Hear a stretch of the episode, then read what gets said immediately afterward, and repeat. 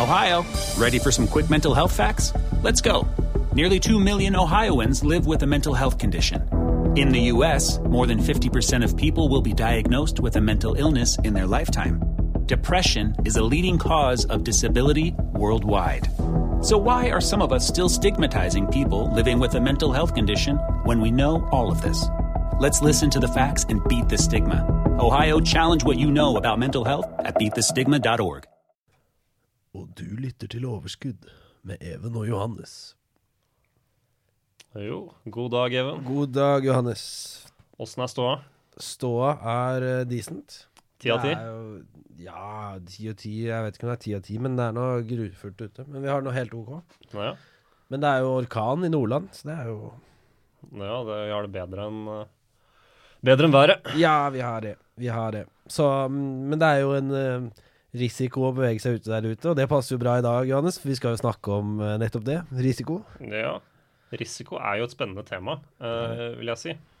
Vi har jo Tre typer, Ja, vi har, vi, slik vi, vi har lagt opp. vi, har, vi har tenkt å dele inn i tre typer, da, og da risiko knyttet til aksjer. Det er jo i forbindelse med valg av aksjer.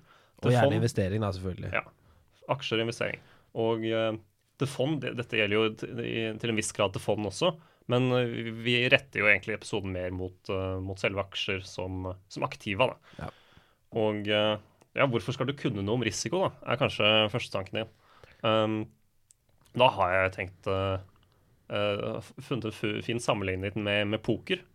Poker, der er det jo For de som spiller poker, for de som ikke gjør det, så er det kanskje en vanskelig sammenligning å forstå. Men i poker så er det jo visse odds på visse hender, og du må til en viss grad forstå oddsen for at eh, en av dine motspillere har, har en god hånd. Den må du kunne regne ut. Og de fleste kan jo den pugget fra, fra, ja, fra start av. da. De vet eh, er hånden min sånn og sånn, dette ligger i dekket, og så, så vet jeg oddsen for at jeg vinner, vinner hånda. Og på bakgrunn av det, de tallene kan jeg gjøre gode vurderinger, da. Hele veien. Mm. Ja, riktig. Så det finnes ingen gode pokerspillere, ingen profesjonelle pokerspillere, som ikke kan ja, nærmest alle odds helt utenat. Så langt det lar seg gjøre. Så aksjemarkedet har eh, det til felles at for at du skal kunne spille hånden din, altså dine penger nærmest, eh, og ikke spille Dette er ikke et spill, dette er, dette er investering, og du, du Det er får jo-. Ja, det, det er jo den ene forskjellen i denne analogien, kanskje. Det er jo at det er, det er en investering. Men for å kunne gjøre gode avgjørelser med dine penger, og kunne kanskje justere, ju- justere ja, hva du gjør med pengene, så er det viktig å ha en god forståelse av de forskjellige risikoene eh, du tar. da. For eh, forstår du ikke risikoen du tar, så, så, så vil du ofte kunne ja, ha dårlig beslutningsgrunnlag rett og slett, da, for å ta, for å ta avgjørelser i aksjemarkedet. Ja, riktig. Så vi har jo skrevet så vidt at um, altså et spørsmål som er lurt å stille seg, eller som er egentlig hoved, eh, hoved eh, Hva skal man si eh, Stillingen man må gå ut ifra, er jo om det er sannsynlig at selskapet lykkes, eller om det heller går dårlig. Ja. Uh, og det kan jo selvfølgelig gå begge veier. mm, Det som er fint med aksjer, heldigvis, er jo at du hvis, så lenge du er innforstått med det, så kan det enten gå til null, men det kan også gå Ja. nesten uendelig mye høyere også. mm. Og uh, du som aksjonær, du, du ønsker jo heller ikke å, å fjerne all risiko. For fjerner du all risiko, så fjerner du også oppsiden i, ja, i, ved avkastning. Da. Mm. Så du, men du må finne et risikonivå du er komfortabel med og, vi, og ville ha, da, og ville bie deg ut på. Så, så det handler jo om å vurdere risikoen riktig, rett og slett. da. Og det er det som er mye av kunsten om å velge aksjer. Det handler jo om å vurdere risikoen riktig. Um, så vi har jo valgt å vurdere de sånn overordnet risikoaspektene med en slags intern risiko i selskapet eh, og en ekstern. Som kan være korona på flybransjen, f.eks. Ja, Og Norwegian Eller... har jo for eksempel, De har hatt problemer med begge deler. ja, ja. ja. Og så ikke minst mental risiko. ja. For Det er jo mer opp til deg, da. mm, risikoen på dine avgjørelser, risikoen på at uh, du har lest riktig, at du har forstått det riktig, der er det jo også, også risikoer for at, uh, for at analytikere eller, eller ja, det er, det, er kanskje, det er kanskje en ekstern form for risiko generelt, analytikere. Ja, Men det kan være så mye som at du ja, bestemmer deg for å selge når du skulle selge. Mm, At du gjennomfører det du har bestemt for. At du ikke låser og gjør noe helt annet. Ja. Eller blir for grådig og satser for mye. mm. Så, men vi har jo skrevet her eh, fire, i hvert fall, um, ting som er verdt å merke seg hvis man skal begynne å lete litt rundt. Ja. Det er da beta, sharp, gjeldsgrad, diversifisering. Det er jo egentlig helt forskjellige ting alle sammen, men eh, Mm, de henger jo alle sammen med risiko. Eh, definitivt. og for å gå kjapt gjennom, da, så er beta i hvert fall det viser litt på hvor mye svingninger en vanlig aksje har. Mm, Markedet vil jo ligge på én. Ja. Og jo mer uh, volatilt det er, og mer opp og ned det går i løpet av en dag eller i løpet av en periode, så er det jo, jo høyere er betaen. ja. Eller lavere, for det kan være negativ også. Ja. Og da, men hvis den er på en måte veldig negativ, da, typ minus fire, så vil den være en slags veldig sterk motvekt til markedet. Eh, og dermed svinge mye når markedet svinger mye ned når markedet går opp, og, og omvendt. Så, det, så beta det er, eh, det er et begrep man burde ha litt kjennskap til. Da. Um, Og så har du sharp, som bare viser eh, hvor mye meravkastning du har fått i forhold til risikoen du har tatt. Ja. Og det er vel uh, kanskje mest verdt å merke seg hvis du skal uh, investere i fond. mm, En, jo høyere sharp, jo bedre. Alt over én er verdt å, verdt å sende øre på. Ja. Så har du jo gjeldsgrad, som viser rett og slett hvor eh, tyngt av eh, gjeld et selskap er. mm, Det kan være lurt å merke seg. Ja. Og ikke minst eh, diversifiseringen din.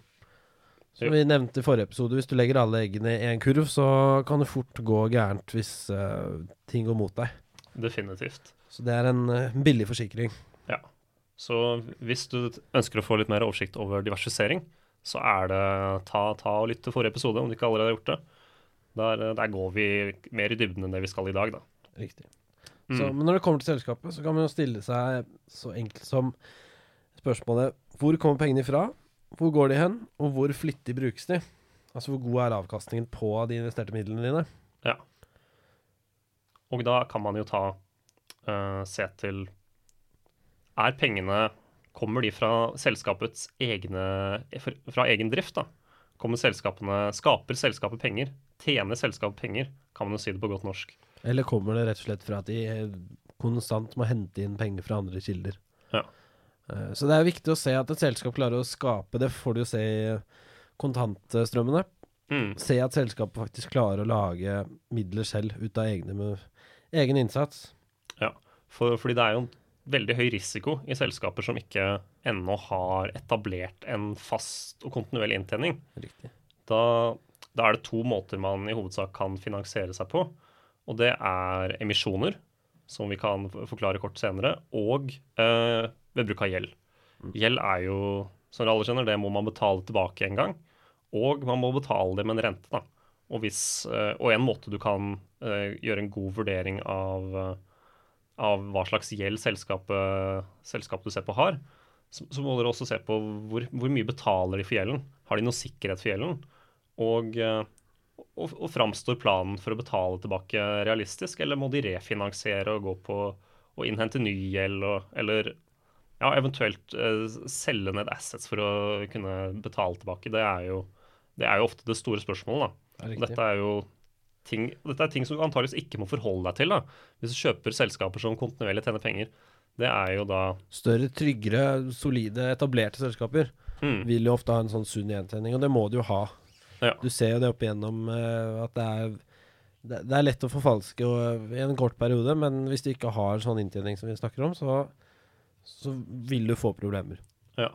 Og så kan man jo nevne at det, det finnes jo noen unntak uh, av selskaper som, uh, som man kan fortsatt si er trygge, selv om de ikke i realiteten tjener noe særlig penger. Mm. Og da har man jo klasseeksempelet Amazon.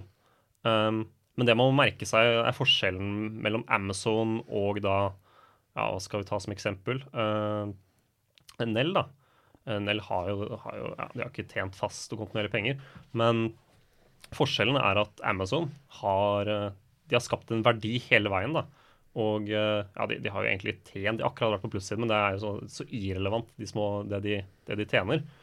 At, eh, men, men poenget med Amazon er at de, de ønsker ikke å ta profitt enda. De ønsker kun å reinvestere alt umiddelbart. da. Reinvestere og bruke så mye penger som overhodet mulig på å øke omsetning, men ikke å, å få penger ut i lengden. da. Og man har sett at hvis de faktisk hadde ønsket Det er, det er en, en vurdering du må ta. Hvis selskapet faktisk hadde ønsket, så kunne de tjent vanvittig mye penger. Men de ønsker heller å satse på konkurransefortrinnene. Og eh, og det er verdien i det. Så det at Amazon egentlig ikke tjener penger, det, det, det er som regel et unntak, da, kan man si. Um, så har jo Tesla også lenge ikke tjent penger. Og så, så har de begynt å gjøre det. Så, så, der kan man jo se et eksempel på, på, oppsiden av å finne et selskap som går fra å ikke tjene penger, til å kontinuerlig begynne å tjene penger, da. Um, det, de finnes jo, og det, det er jo enormt potensial. Men det finnes jo mange eksempler som du sikkert ikke har hørt om, fordi de har gått konk, eller fordi de har måttet blitt utvannet hardt i en emisjon, som vi nevnte, uh, for å holde seg i live. Og uh, emisjon var et begrep vi, vi nevnte. Uh, Even, hva, hva, er en emisjon?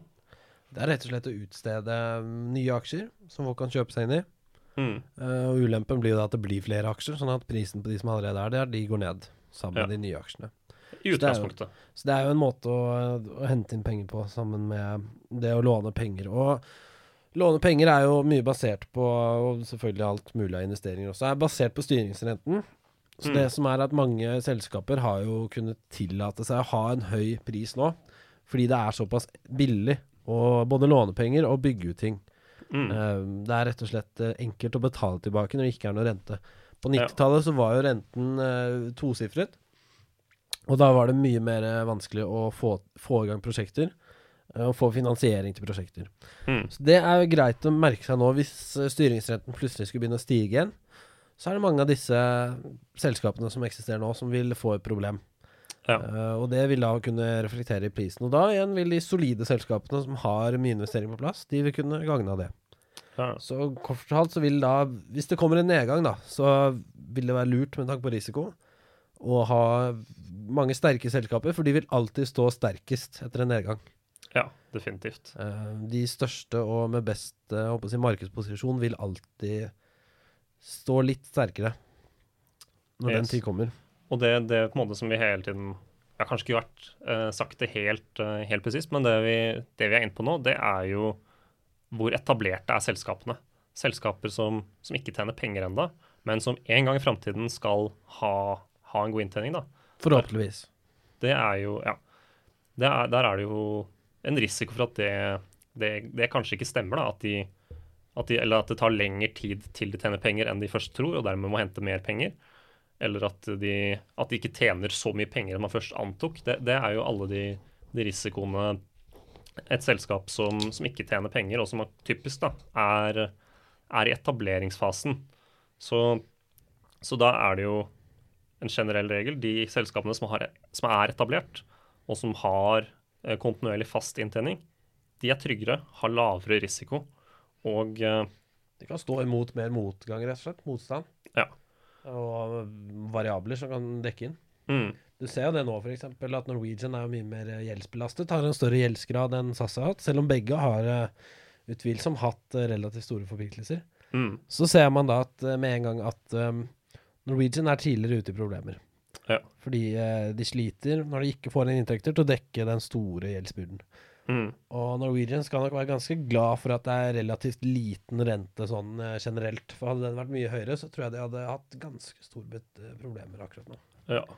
Ikke det at de ikke har det fra før, men eh, det, det er nå så. Mm -hmm. Så men den inntjeningen, den, den Vi har som sagt nevnt at selskapets størrelse og antall selskaper er bra for risikoen. Ja. Eller bra, om det er bra for mm. risikoen eller nei, det spørs jo helt. Men det er en god måte å begrense risiko på. Ja. Men uh, må, man må også se litt på Selv om de har god inntjening, så, jo, så, kan det jo ha litt å si hvor de får inntjeningen fra. Om den er diversifisert eller uh, kun fra én kilde. Ja, her er det diversifisering om igjen. Bare Nå er det ikke snakk om din porteføljets diversifisering. Nå er det snakk om selskapets, om selskapets inntjeningsstrømmer er diversifisert. da. Og vi, vi kan jo ta eksempelet. Er inntjeningskilden bundet opp til én og samme faktor? da? Er, uh, selger selskapet, la oss si typisk uh, olje, uh, og oljeprisen er det som avgjør inntjeningen? eller er det en diversifisert inntjeningskilde hvor det er flere forskjellige faktorer som avgjør hva, hva, du tjener? da? Du nevnte jo Amazon, de selger jo alt, for ja. eksempel. De selger alt, alt, mulig, og de er jo innenfor cloud storage. De er innenfor uh, you name it. De har kjøpt opp Twitch, uh, for de som kjenner den plattformen. Uh, gaming. Ja, sånn streaming, er det ikke det? Jo, stemmer. Ja, riktig. Så de, så de har jo masse forskjellige, forskjellige inntjeningsskiller, da. Eller Apple. Apple har jo iPhones, iMacs, iPads, iTunes og sikkert masse annet som begynner på i, som jeg ikke kom på i farta. Um, men det er også kanskje ting som man ikke tenker over at Apple tjener penger på, som f.eks. AppStore, og uh, at de tar ganske gode cuts på, på, for folk som skal bruke plattformen til å selge sine applikasjoner. da.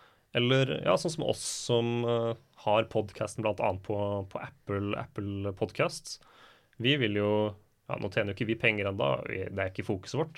Men hadde vi gjort det, så hadde også Apple tjent litt av det vi hadde tjent. Mm. Så, så, så, det er jo et poeng å, å, understreke at er inntjeningen fra mange kilder, eller er den fra, én og samme kilde? da?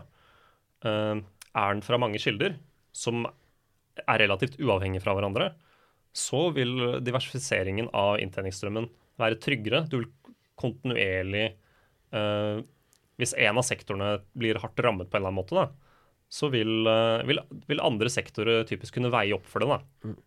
Og det er jo en stabilitet som du som aksjonær er, er ute etter, da, hvis du ønsker en, en, god, en god, risikoprofil. Ja, vi nevnte jo det i forrige episode at uh, å ha mange variabler å forholde seg til kan være knotete, men i disse tilfellene så vil det være relativt lurt. Ja. Så, så men, men, igjen, nå har vi jo snakket om hva som gjør et godt selskap, mm. og hva som kan være trygt og godt der. Og ja. hva som er gode inntektskilder, ikke minst. Ja. Uh, og, men uansett om du har et bra eller et uh, volatilt selskap, så er jo det viktigste av alt, det er jo hvem som sitter i selskapet, altså menneskene. Nettopp. Det er jo ofte de som kan ta noe et steg videre enn det man kanskje ikke kunne gjort uten dem. Ja, ja. Setter du pengene dine i aksjer, så er det til en viss grad da, vel så vel, så vel et veddemål på at uh, disse menneskene som styrer selskapet, faktisk lykkes. da. Mm. Så, så, så, da må du til også skal vurdere hvor, uh, hvor gode er disse menneskene. Det høres kanskje litt rart ut, mm. men, men, ledelsen i, i, et aksjeselskap er Eller et selskap som sådan. Ja. Uh, de, de, er, de er viktige. Uh, selvfølgelig. Hva, hva, hadde skjedd med Tesla for eksempel, hvis Elon Musk ikke hadde vært her? Ja, Nei, Det har man jo sett uh, tendenser med. Det er derfor uh, For de som husker tilbake for to år siden da, i Tesla, hvor, hvor det var snakk om at Elon Musk var i, hadde, var i noe var i en forlikssak med børstilsynet i USA. Og dette var fordi han hadde tweeta noe, noe som de mente var kurssensitiv informasjon, uten å klarere det med, med selskapet selv da, og egne advokater. Og således så ville Børstilsynet at han skulle ta seg børsen. Da. poenget med denne historien her, det var at uh, Tesla-kursen gikk veldig ned i, som, følge av de, som følge av disse nyhetene. Da. Som følge av frykten da, for at Musk kanskje skulle miste sin, sin stilling som daglig leder for, for, Tesla, som CEO. han ble jo faktisk, tatt, ble jo faktisk fjernet som, som styreleder for, for selskapet. Eh, eller chairman, som det heter på engelsk. Men, eh, men, børsen tok det egentlig positivt, uh, i og med at han fikk en redusert rolle og mer, kanskje mer fokus på dagleder. Og, ja. ja no, og noe man ser der, er at, og det er jo blitt ganske populært, at som en slags gulrot for disse lederne, så kan det jo være at de får opsjoner som ja. lønn, og ikke direkte lønn. Mm. Sånn at de må faktisk oppnå visse, mm. visse mål da, for å bli lønnet. Ja. Og det er jo Musk er jo klasseeksempler på det. Veldig klasseeksempel. Og det, det, er jo det som har gjort han eh, så rik de siste åra, men uh, Verdens rikeste mann i dag er, er faktisk Elon Musk. Ja, det er jammen sant, det. det. Men nok om Musk, og nok ja. om det. Fordi det kan fort bli litt mye. Folk har sikkert uh, fått nok Noen har sikkert uh, mye godt å si om Tesla, og noen er sikkert lei av å høre om Tesla. Uh -huh. Og vi får bare gi, si oss fornøyd med Tesla. Mm. Ja. Men hvordan så. vurderer man menneskene bak selskapet? Det, er jo, det letteste er kanskje å se på track record. Er det Musk har jo ja, starta jo PayPal starta jo ja, Skulle ikke snakke mer om Musk, tydeligvis. Men, Nei, men, uh, ja, men, som du sier, han har jo startet ting, og han har fått lykkes med ting, og det er jo lurt. Mm. Uh, og, og, det gjelder jo alle selskaper òg. Hvis man har lyst til å gå i dybden, da. Ja. Hva er bakgrunnen til folk? Hva har de gjort tidligere? Hvordan har det gått? Og kanskje ikke minst, hva har folk å si om de? Mm. Det er klart, hvis, hvis, du blir kontaktet av et selskap, og det viser seg at mannen bak har eh, svindeldommer mot seg, så altså Selvfølgelig, alle skal få en ny sjanse, det er jo ikke det, men, eh, men, det er jo en ting å vurdere. Ja, Kanskje ikke der du vil putte pengene dine, da. Kanskje ikke alle pengene igjen. Diversifisering er viktig. Så hvis du, hvis du vil gamble, så kan du gjøre det. Ja. Plutselig lønner det så. Du vet aldri. Mm. Um, Og en, ja, andre ting er jo typisk hvor mange i ledelsen, eller kanskje selskapet generelt, er det som, som slutter. ja. Hvis det er veldig Hvis du får inntrykk, da. Nå var jo dette her eh, for noen år siden i XXL. Så var det jo en del problemer med ledelsen. Mange ansatte mye- som kom ut med historier om armhevingsavstraffing og, og den slags. da. Det har vært litt, uh, litt utskiftninger der, ja. Det har det. Mm. Og det har jo Så Og det at de har fått nye mennesker, det har jo vært Og da- positivt. Og da må man stille seg Har det med kulturen å gjøre, som de sier? Er det pga. den derre intense konkurranselysten, eller er det fordi selskapet er vanskelig og tungt å drive, og at det er usikkert? Ikke sant? Ja. Så det er jo noe å ta utgangspunkt i. Mm. Så kan jo også spørre seg hvor er, hvor er liksom tilsynelatende Hvor er det de beste har lyst til å jobbe? Ja. Fordi øh, OK, nå nevner Tesla igjen, men uh, ja, Men, kan eh, si lenge. Lenge har Google vært det typiske eksempelet der. ja, I, i Silicon Valley der eh, alle vil alle, jobbe. alle IT-hodene, De beste. de beste av de beste, de med best karakterer, de med Ja, jeg vet da hva. De vil i hvert fall jobbe der. Glupingene. Ja. Ja. Men nå er det jo vist seg at Tesla og tilhørende selskaper er høyt oppe på listen. Mm. Og det Så får vi se hvor lenge det varer, men fordelen med det for de selskapene er jo at da blir det jo bedre Mm. ansatte der. Ja. Så, man, så det er verdt å se, se hvor er liksom folk blir trukket til, og hvor er kanskje folk mest motiverte når de begynner. Mm. Ja. Så, så det er det rett og slett se på menneskene. Hva er uh, track record, som du sier? Hva er historien deres? Og, Ja. og, og, på å si, er de fornøyde der de er, eller, eller er det virkelig en slags ja, utforskende kultur man er utenfor? Så Ja. det er greit. Mm. Og så kan man jo se på Nå har vi sagt om de ansatte, men hva, du har jo investorene også, Mm. som kan være verdt å se på. Det er klart, hvis du Det er mange smarte mennesker der med mye penger. Ja. Og risikoen for dem er jo vel så høy som for eh, deg og meg, Johannes. Mm. Så, så det, det er jo naturlig å tro at de kanskje vet hva de gjør, da, hvis de velger å gå inn i enkelte selskaper. Ja. Enten som en passiv eller aktiv rolle, da. ja. Og det er, det er typisk hvis det er eh, Vi har jo, har jo Softbank, da. Eh, Den dagen Softbank gikk inn i Kahoot, så var jo det en kjempenyhet. Og det er jo fordi Softbank har jo hatt eh, en ganske god record på å ta og kjøpe deler av selskapet. Eventuelt kjøpe opp hele selskapet. Og videreutvikle og forvalte dem, da. Fordi, fordi Softbank er jo, er jo en aktiv forvalter av, av selskapsrettene sine. Altså da uh, er aktiv med i å styre og uh, komme med komme med, med forslag til hvordan selskapet skal fortsette sin strategi, hvordan selskapet skal utvikles videre. Og uh, Så dermed var jo Softbank-nyheten for Kahoot en kjempenyhet. Um, men så har man jo kanskje andre som er litt mer sånn kontroversielle eiere, da. Uh, Øystein Strauss Betal. ja. Um, han har, jo, han har jo en historie av å typisk kjøpe, kjøpe selskaper. eh, få mye oppmerksom, oppmerksomhet rundt kjøpet. Gå inn ganske hardt i selskaper. Han var jo eksempelvis inne i Nell, hvis jeg ikke husker feil, rundt to-tre kroner. Det, er- det, er en, det er en stund tilbake, selvfølgelig. Um, og den, på den tiden så var det, var det jo snakk om at han mente at disse her de skal over 20 kroner en dag. Um, Hadde jo for så vidt rett i det. det hadde han, men uh, put your money where your mouth is, er det, er det et uttrykk som heter. Um, han solgte seg ut uh, lenge, lenge før det. Så Og det, det, det er litt sånn bjellesau-fenomen. Ja, det er, og det kan for så vidt være at noen ville være det. Men igjen, det er jo hans penger, hans risiko, hans vurdering. Mm, Og det mener jeg bestemt at alle investeringer skal være. Det skal være opp til deg, ikke altså han. mm, Eh, så det gjelder å se. Og, men man kan jo se liksom, hvem er det som eier et selskap. Hvis det viser seg at mange gode fond med god track record, som vi nevnte tidligere, er investert i et selskap, eh, så Det var en merkelig måte å avslutte en setning på. I et selskap.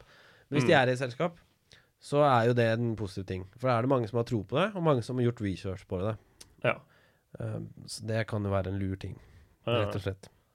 Nå har vi snakket mye om Ja, det var jo intern eh, risiko, egentlig. ja mye av dette her er intern risiko. Ja, det litt, er jo litt intern. ekstern kanskje med, med utenforstående investorer.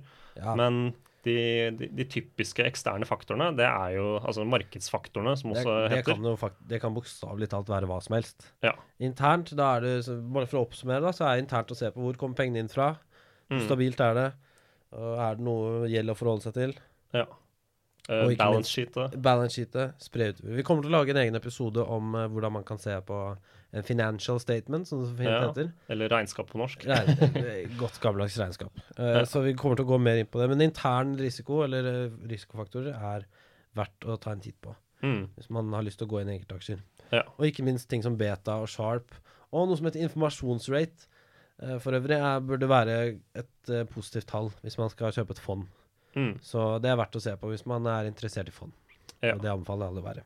Så, Mm. Men som sagt, ekstern risiko, det kan jo være hva som helst. Ja. Alt fra korona til en asteroide. ja, for å sette på spissen. Alvorlighetsgraden vil jo variere, selvfølgelig. Ja.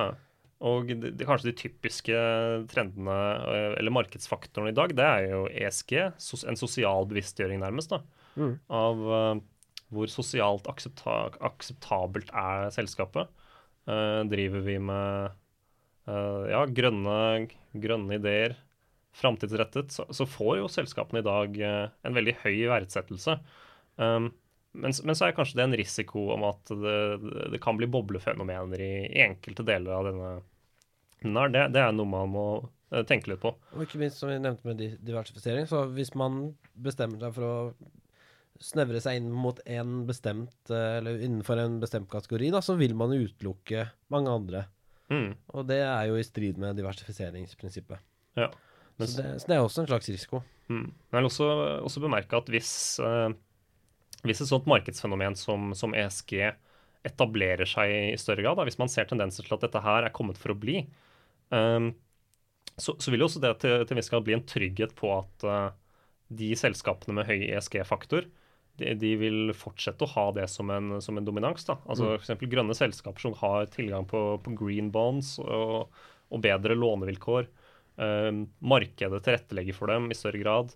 Får subsidiering. Altså, det, det, er jo, det er jo viktige markedsfaktorer som ikke bare kommer fra eh, investorenes initiativ til å kjøpe fine og grønne sosiale selskaper, men også eh, de politiske aspektene ved det. da. Og Det, det er også en faktor du må tenke på. Er, er politikken eh, egnet for selskapet, eller er politikken noe som kan, kan ødelegge? da?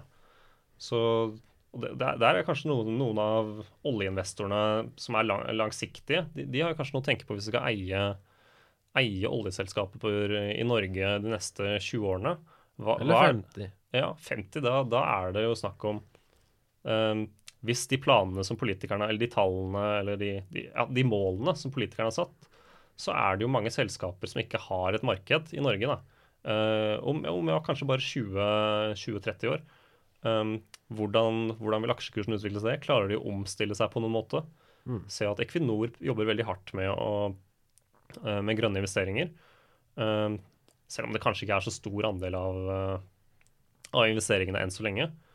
Men det er noe man må ha- i bakhodet. Ja, så politikk er som med andre ord en viktig, Mm. viktig del av risikobildet, vil du oppsummere det så enkelt? Ja, Ja. definitivt. Og Så- så, så er det jo Ja, politikk det og lovgivning er jo det, de, de som ofte går, går hånd i hånd. Hånd i hånd. Politikerne lager lover. Um, folk må følge lovene. Selskaper, definitivt. De, de, det straffer seg ofte veldig hardt å ikke følge lovene. Mm. Um, men videre så er det også, også snakk om kanskje de typiske landene du investerer i. da. Der er det også litt varierende politikk, kan man si. Og det kan være varierende styringsrenter. Mm. Eller uh, valutakurser, som er uh, igjen faktorer som inntikker inn. Og ikke det at man må henge seg altfor mye opp i og regne på det, men det er klart hvis det er uh, høye styringsrenter i et land, og det er dyrt å bygge prosjekter, og Mm. et selskap har en dreining mot det landet av en eller annen grunn, så, så kan det være verdt å merke seg. Så, Ja. Ja. så hvis det er, viser seg at Norsk Hydro for eksempel er jo i mange land, så de, de har gjort det i så mange land at der er det vel uh, ganske fint diversifisert. Mm. Men hvis de utelukkende skulle basert seg på argentinsk eh, aluminium, Ja, så er det no, noe risiko, da. ja, noe å være oppmerksom på. Ja. For der har man jo Du kan si at uh, ett land alene Det er ikke noe som hindrer at det kan oppstå en resesjon som kun rammer dette landet. Det har man sett i Venezuela, og det er jo en del uh, land i Afrika som har Det er ikke mange av det, er ikke, det er ikke så lett å få investeringer i alle disse landene, men det er jo da er det jo risiko for landet. Og, og Kina er jo et typisk land som man kan trekke fram som er litt sånn der, der er det en, type, en spesiell risiko knytta til myndighetene og, og litt uforutsigbarhet eh, rundt det. Nå har det jo vært, eh, vært nyheter rundt eh, Jack Ma, som, har, som er grunnleggeren av Alibaba. Eller har vel strengt tatt ikke vært noen nyheter om, Alibaba. Ja, Nei, om Jack Ma. Det har vært nyheten, at det ikke Mm. har vært noe. Men jeg leste, leste for noen dager siden nå at uh, han hadde dukket opp på Var det et frokost-TV-program eller, eller noe slikt? Det er ofte det Um, morsomste å dukke opp i. Ja, ja, ja. Dukke opp her for å vise at det er i live. Ja, men det er jo sikkert en god ting. mm. Nei, men ikke sant, det er jo en sånn X-faktor, du aner jo ikke. Ja. Eh, og det er et helt annet reglement. ja. eh, helt annet rettssystem. Alt er annerledes. Mm. Og eh, altså det er jo det er et, Til å være et diktatur, så er det jo et diktatur som verdsetter kapitalisme svært høyt allikevel. Um, så det er ikke nødvendigvis, det er ikke nødvendigvis dårlig å investere i Kina. Men ja, vi, vi kunne nesten lagd en hel episode om Kina og hva som er annerledes der. Uh, poenget er at det er Da blir vi sittende lenge og prate. det, det er det. Men generelt, vær, vær litt obs på det. Eh, les deg litt opp på Kina. Kinesiske markeds... Nei, um, selskapsstrukturer. Hvordan det fungerer versus USA. For er, her er det noen nyanser som er viktige å få med seg. Um, men jeg lar det henge ut i lufta. Så får Vær, eh, og, ja, og vær forsiktig med å handle i Kina. Altså, det lureste kan være å starte med et fond, kanskje. Mm, Og så eventuelt se på hvilke selskaper som går igjen, og sette seg som du sier, inn i det. Se Ja. hva som er annerledes. Fordi er, det er mye å tenke på. mm, Og um, for en uerfaren uh, og selv erfarne investorer, så er det det, er, det kan fort være en litt annen uh, fisk å fiske etter. ja. Så, men, men nå har vi egentlig Det er jo det er, Ekstern risiko kan være så mangt, så der kan man sitte og prate i timevis. Jeg tror vi ikke Mm. burde gjøre det. Intern risiko, da må man se på selskapet og sunn inntjening. Mm, Så, men jeg nevnte jo også Jeg ville jo skrive det mental risiko, for det er jo Vi nevnte jo så vidt, eller jeg nevnte i forrige episode, eh, med når jeg skulle ut av SAS. mm, så var jo egentlig hele grunnen til at jeg ikke gjorde det, var jo min feil. Ja. Så man må jo også tenke litt på den mentale risikoen, da. mm, Uh, og det kan være enten som meg, at jeg ikke klarte å gå ut fordi jeg ble grådig, og så fikk dollartegnet i øya. ja, ja. Eller så kan det være som så at man har satt inn mye penger, og så plutselig en dag så kommer et virus, og så går det ned 30 i løpet av et par dager, Ja. og man blir ekstremt eh, engstelig og redd for å selge. Redd for å Nei, redd for å beholde. Ja, ja, ja. Selger i eh, nød. mm, Ender opp med å egentlig tape alt, selv om man hadde gått i pluss på slutten av året likevel. Ja, nettopp. Så mental risiko er jo også greit å nevne litt. Ja. For det, det vil ofte mange Alle som kjøper en aksje og, eller et fond og skal ha det over lengre tid, vil kjenne på det. Mm. Det er Og- ulempen med å ikke sette det i Ja, I hvordan vil du redusere en sånn risikoevne? Det er jo mange ting Altså, korona var jo én ting. Mange ville jo sagt at det burde man sett komme, men jeg, samtidig, jeg og mange andre gjorde jo ikke det. Ja. Eh, eller gjorde jo det, men gjorde ikke noe med det. Så, men igjen, vi har jo nevnt diversifisering. Ja, Eh, det er triks. Det er triks. Og så er det jo, hvis man hører plutselig fra alle at nå burde du gå inn i aksjer og sånt Hvis du hører det fra frisøren din, så burde du Det er noen som har sagt at da skal du selge. Ja. Nei, men eh, jeg ville i hvert fall at man alltid har en buffer som man ikke skal bruke på aksjer, sånn at man er Man vet at man holder det ut. Trenger Mm. ikke være engstelig for jobben sin. Ja.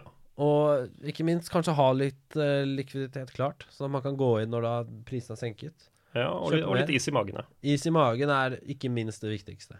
Mm. Uh, og selvfølgelig, hvis du bruker det vi har nevnt tidligere om Det heter så fint på engelsk dollar cost aver averaging. At du kjøper med jevne mellomrom over lengre periode, så vil jo gjennomsnittsprisen din bli uh, Ja. upåvirket av det. Så det er klart, hvis du går all in i uh, rett før koronakrisen, så, Mm. så er ikke det det lureste. Ja. Så spre det utover, Ja, og spre det utover i mye forskjellig. Det er egentlig så enkelt. ja.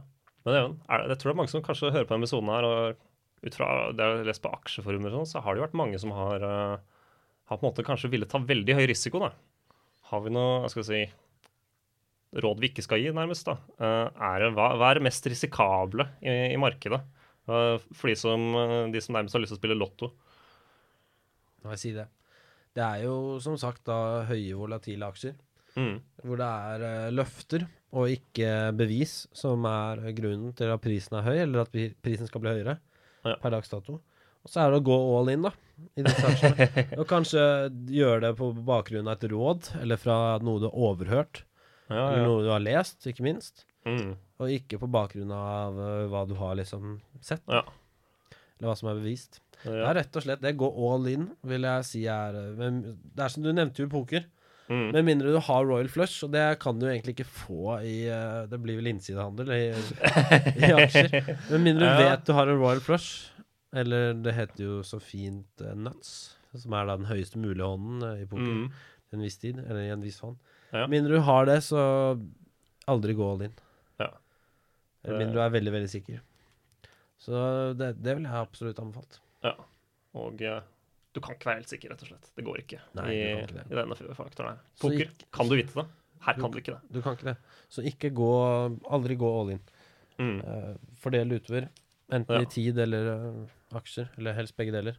Mm. Så, så går det greit. Ja. Men nå ikke minst ha et langsiktig perspektiv. Mm. Det, er, det er jo det. Man skal jo ikke gå inn uh, og vite at disse aksjene Disse pengene er det mulig jeg må ha i morgen tidlig. Ja. Hvis, hvis, hvis du vet det, så skal du uansett holde deg langt unna. Ja, det er litt farlig. Det er veldig farlig. Mm. Men da var vi Var det noe siste ord her, da? Er det vi, vi har tatt risiko. Vi har eh, tatt du kan, hvordan du kan redusere den, og eh, hvordan du kan identifisere den, rett og slett. Da. Ikke minst. Så, så ønsker du litt høyere risiko. Finn, finn spenstige selskaper som ikke er etablert seg ennå, som ikke, ikke tjener penger. Da, da øker du risikoen. Um, eller som har mye gjeld, og som er i, i nærheten av, av en konkurs, men som du Hvor fokuset går på å betjene gjelden og ikke vokse og gjøre det bra som selskap. Ja. Det, det, er jo også, det er også en risikofaktor.